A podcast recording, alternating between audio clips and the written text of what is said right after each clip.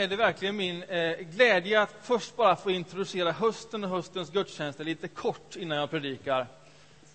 Som kommer att eh, utgå från den här lilla skriften som heter Ett folk på väg, som är en församlingsordning. Och vad är det?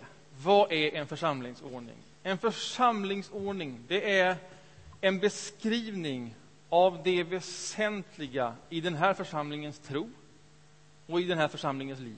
Alltså hur vi uttrycker vår tro och hur vi vill leva vår tro tillsammans. Det står här i ett koncentrat i den här lilla, lilla broschyren. Den finns där nere. Och man kan tycka, ja men det här är en liten broschyr, det här slänger man ihop på några veckor. Eh, men det som gör mig glad att stå här och introducera detta, det är att det ligger ett mångårigt arbete bakom den här.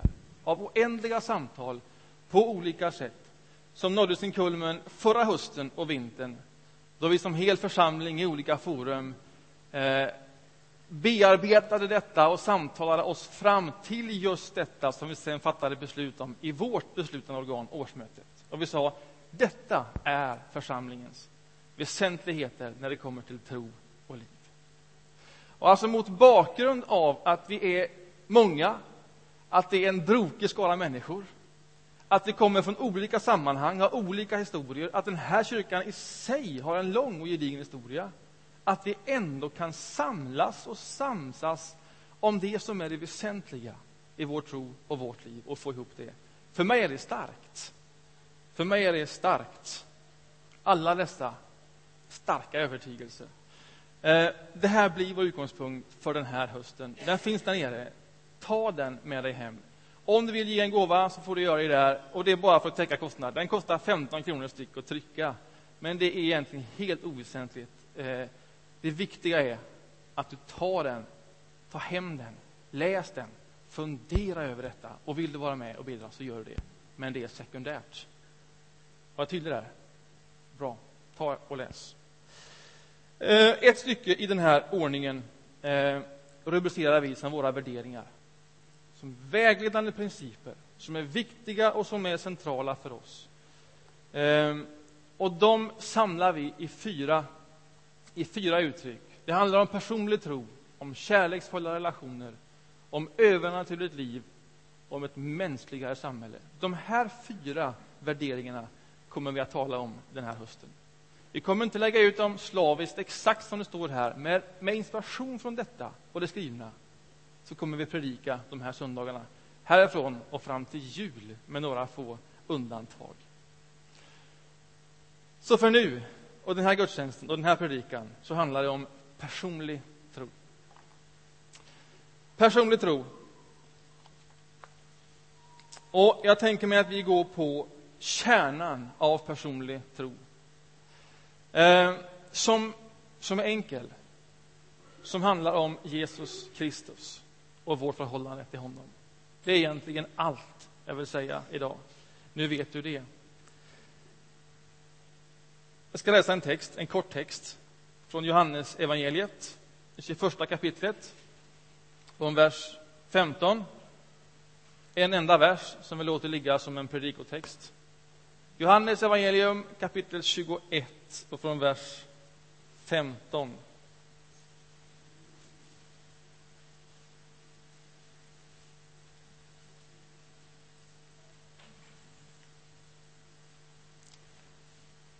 Står så här.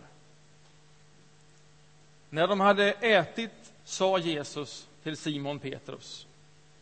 Simon, Johannes son, älskar du mig mer än de andra gör? Simon svarade, Ja, Herre, du vet att jag har dig kär. Och Jesus sa, för mina lamm på bete. Amen. Får jag lov att leda oss i en bön innan jag fortsätter? Jesus Kristus, du som är här. Nu ber jag för mig och jag ber för oss alla. Öppna våra sinnen så att vi känner igen dig, så att vi hör dig och så att vi ser dig. Så att vi gör det precis där vi står i vårt liv. Nu. Amen.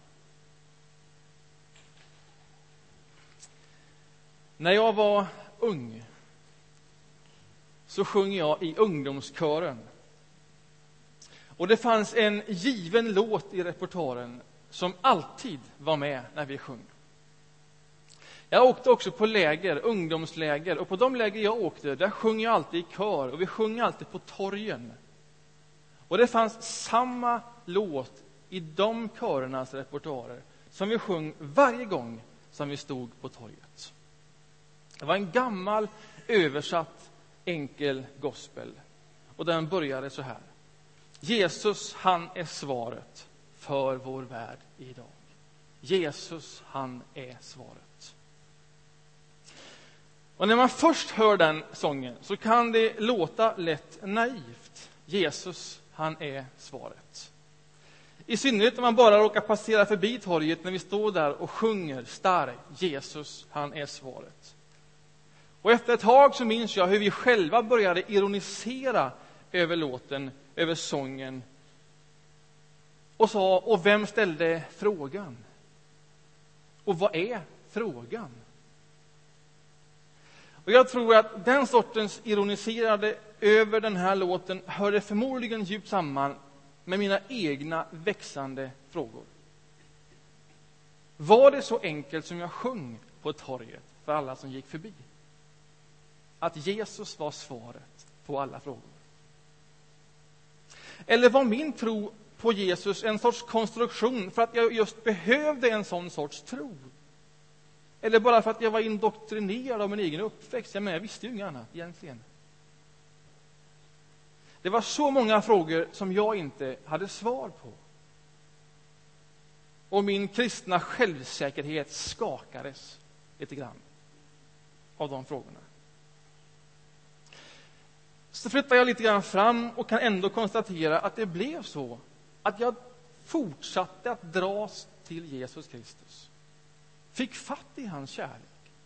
Så att den blev på riktigt, så att den blev verklig. Och där upplever jag en kallelse av honom att få arbeta här i hans kyrka. Så läste jag teologi på högskola. Och där blev jag ju varnad för att det fanns risk att förlora tron i den typen av studier. Och det visade sig att det var mycket riktigt mycket jag inte visste om min kristna tro innan jag studerade min kristna tro. Alltså, jag visste inte att så många människor hade inverkan på Bibelns sammansättning. Jag visste inte hur man i psykologin kunde forska på andliga upplevelser, kristna upplevelser och komma fram till att de strukturellt såg väldigt lika ut, andra upplevelser i andra religioner. Eller att kyrkans historia, när man granskade den, inte bara var vacker. Att det fanns gott om blind spots i den historien.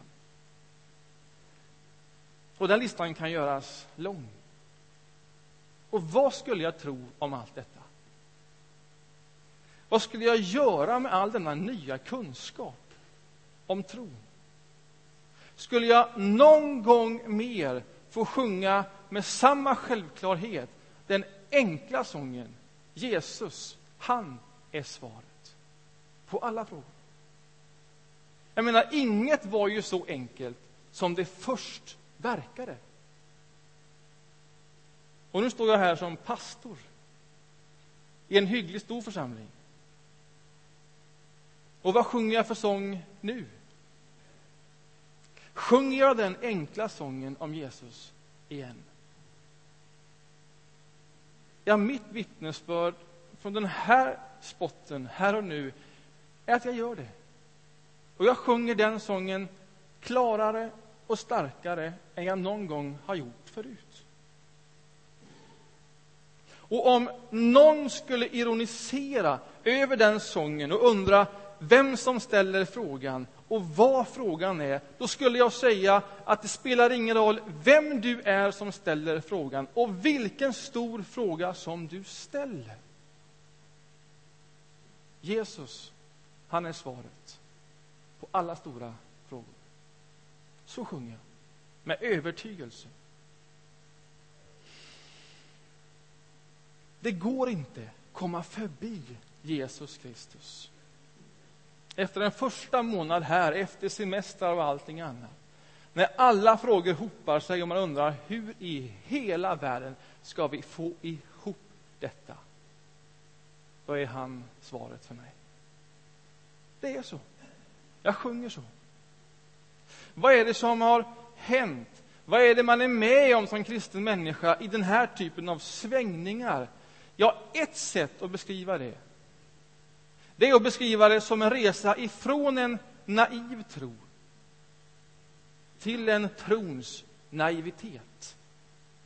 Jag ska förklara det. En naiv tro på Jesus, det är en tro som vet det mesta om honom som vet det mesta om sig själv och som vet det mesta om livet. Det är en kristen självsäkerhet som vet allt detta säkert. Det är ungefär som en förälskelse. När man först förälskar sig i någon annan och man ser den människan och man ser så enkelspårigt och man ser inte att man ser så enkelspårigt. Det ser alla andra, men inte jag. Det är bara fulländat. Här finns allt i den människan. Här finns allt i den människan. Men för de flesta människor i livet så händer något som förändrar den typen av naivitet. Och det som händer, det är typ livet. Inget är så enkelt som det verkar vara från början. Och när trons naivitet möter livets komplexitet, då händer det alltid någonting med den personliga tron. Den skakas om. Olika mycket, men den skakas om. Alltså när du möter helt nya tankebanor när du börjar studera på ett universitet, eller högskola eller folkhögskola som inte kanske tycks ge utrymme för din självklara tro. Vad händer då? Eller när du blir sviken av någon som du älskade och litade på, eller när någon förälder dör alldeles för tidigt och oväntat. Eller när det visar sig inte så enkelt att bli gravid. När dina barn blir överraskade sjuka, när du får upp ögonen för första gången för att det är matbrist som är det största problemet i världen. Och du har hur mycket mat som helst omkring dig och bara känner dig hjälplös och inte vet hur du ska hantera det. När du inte får det jobb eller den utbildning som du önskar. Eller när du själv sviker. När du själv sviker och gör både dig själv och din omgivning besviken. Alltså, kort sagt, när livet inte blir som du har tänkt dig då händer det någonting med en alltför självsäker tro. Den skakas om. Den får sig en törn. Det finns inte längre givna svar på alla frågor. Och det finns tider då man inte med lika klar stämma och övertygelse sjunger Jesus, han är svaret. Och det är helt okej. Okay. Det är helt okej. Okay. Ja, det är till och med i sin ordning att känna så. Men vad gör man då? Vad gör man då?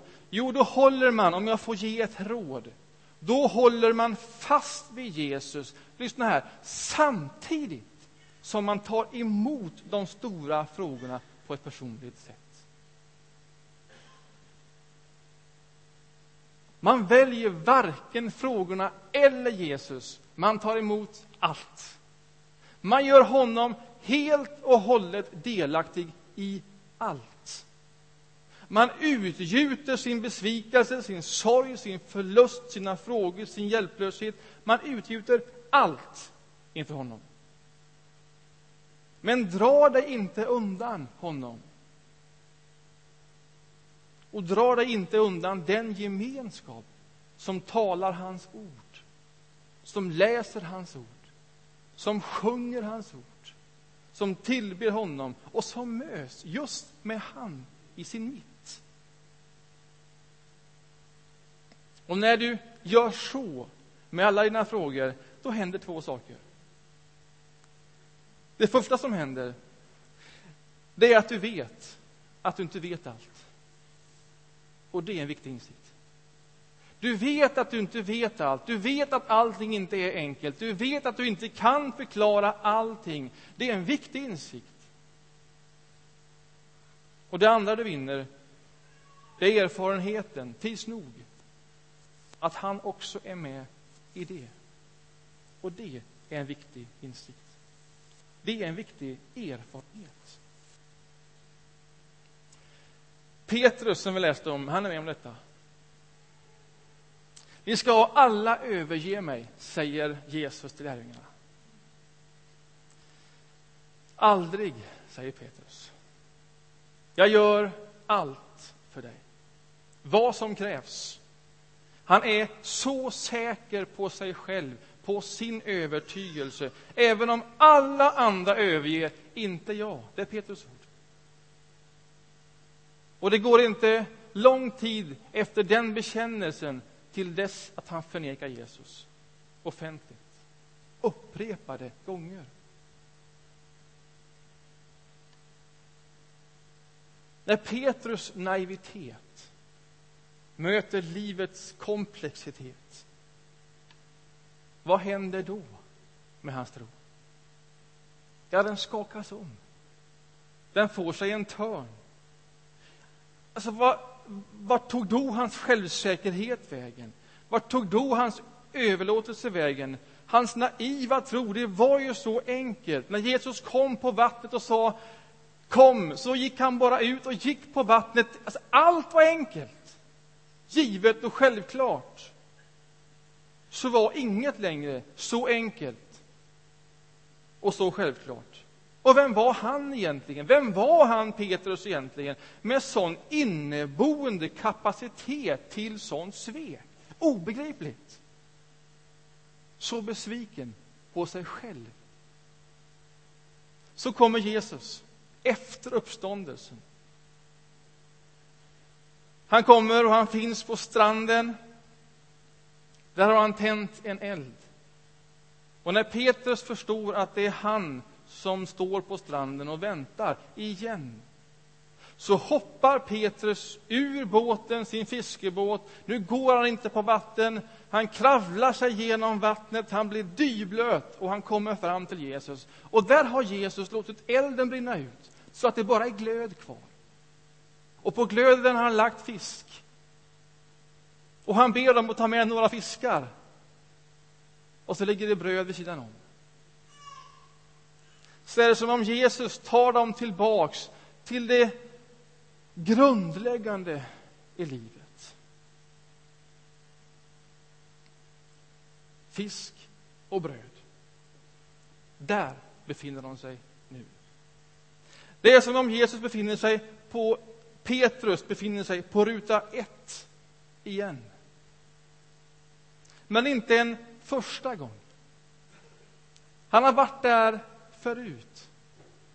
Han har varit på den stranden en gång förut. Det var där han först mötte Jesus, också då från sin båt.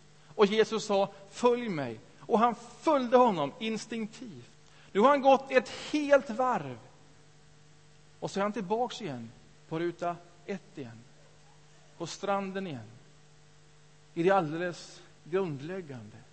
Från scratch och där är frågan till Petrus. Älskar du mig? Älskar du mig? Ja, vad ska han säga? Han har ju alldeles uppenbarligen visat någonting annat. Han vet att det inte är ett enkelt svar att ge. Men han kan för sitt liv inte ge något annat svar. Och han uttrycker sitt hjärta. Ja, Herre, du vet att jag har dig kär. Han har rört sig från en naiv tro på Jesus till en trons naivitet som kastar sig ut igen. Han vet att han inte vet allt om Jesus och om sig själv. Han vet att livet inte alltid blir som han har tänkt sig. Men trots det, och genom den insikten så väljer han på nytt medvetet och helhjärtat Jesus. Han ger sig reservationslöst till Jesus. Det är en trons naivitet. Och det här är ingen resa som vi gör en gång för alla. Och så har vi gjort det. Och så lever vi så. Vi upprepar det, tror jag, igen och igen och igen. Och vi behöver upprepa resan igen och igen. Det är så lätt att igen bli naiv. I meningen att nu, nu vet vi allt om Jesus. Nu har vi ett grepp om det. Nu vet jag vem jag är. Nu har jag ett tag om mitt eget liv och min egen kapacitet. Det är så lätt att hamna i en självsäkerhet när det gäller min egen godhet och min egen moral och min egen etik. Och det var väl där fariseerna och de skriftlärda hade hamnat. Det var väl där Jesus talade med dem och uppmuntrade dem att komma tillbaka till ruta ett igen. Till det grundläggande. Och vi är som Petrus allihop, utan undantag. Ni ska alla svika. Och vi tänker, ja, inte jag. Vi tror mycket om oss själva på ett sådant sätt. Och när den sortens naivitet möter livets komplexitet då inte bara skakas tron om, då är också Jesus där igen. På stranden med fisk och bröd. Till det grundläggande till ruta ett igen och påminner om att det verkligen inte är min förmåga att förstå och förklara allting. Att det heller inte handlar om min höga moral som gör att jag kan frimodigt sjunga att han är svaret på alla frågor. När den personliga tron, den bottnar i någonting helt annat. Den bottnar i hans kärlek till mig och mitt svar på den. Det är allt. Det är allt så får jag säga detta. Var inte rädd. Var inte rädd om din tro på Jesus utmanas. Var inte rädd när naiviteten möter komplexiteten. Var inte rädd. Ta emot frågorna som kommer. Lyft på de stenar som du behöver lyfta på. För vilka stenar du än lyfter på så finns det till sist bakom varje sten samma fråga. Älskar du mig? Och när du vänder på stenarna, när du jobbar med dina frågor, dina besvikelser, så är det till sist den frågan som avgör. Älskar du mig?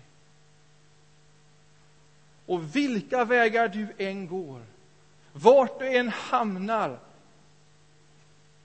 så fortsätter han att ställa den frågan. Älskar du mig? Hur långt du än rör dig i dina frågor så för han dig tillbaks till ruta ett. Fisk och bröd. Till scratch i livet. Till det mest grundläggande. Till frågan om kärlek. Och hans fråga är inte bara en fråga Hans fråga är ett skarpt laddat påstående. Våga tro på min kärlek. Våga tro på min kärlek. Och ett kärlekens ja, det är det centrala i en personlig tro. Och när du bejakar den kärleken ja, men då kan du sjunga med i en gammal sleten gospel igen. Då kan du sjunga med kraft. Då kan du sjunga med övertygelse och du kan sjunga med djup. Vart du än är i ditt liv. Jesus, han är svaret. Jesus, han är svaret. Amen. Grip in oss i en bön.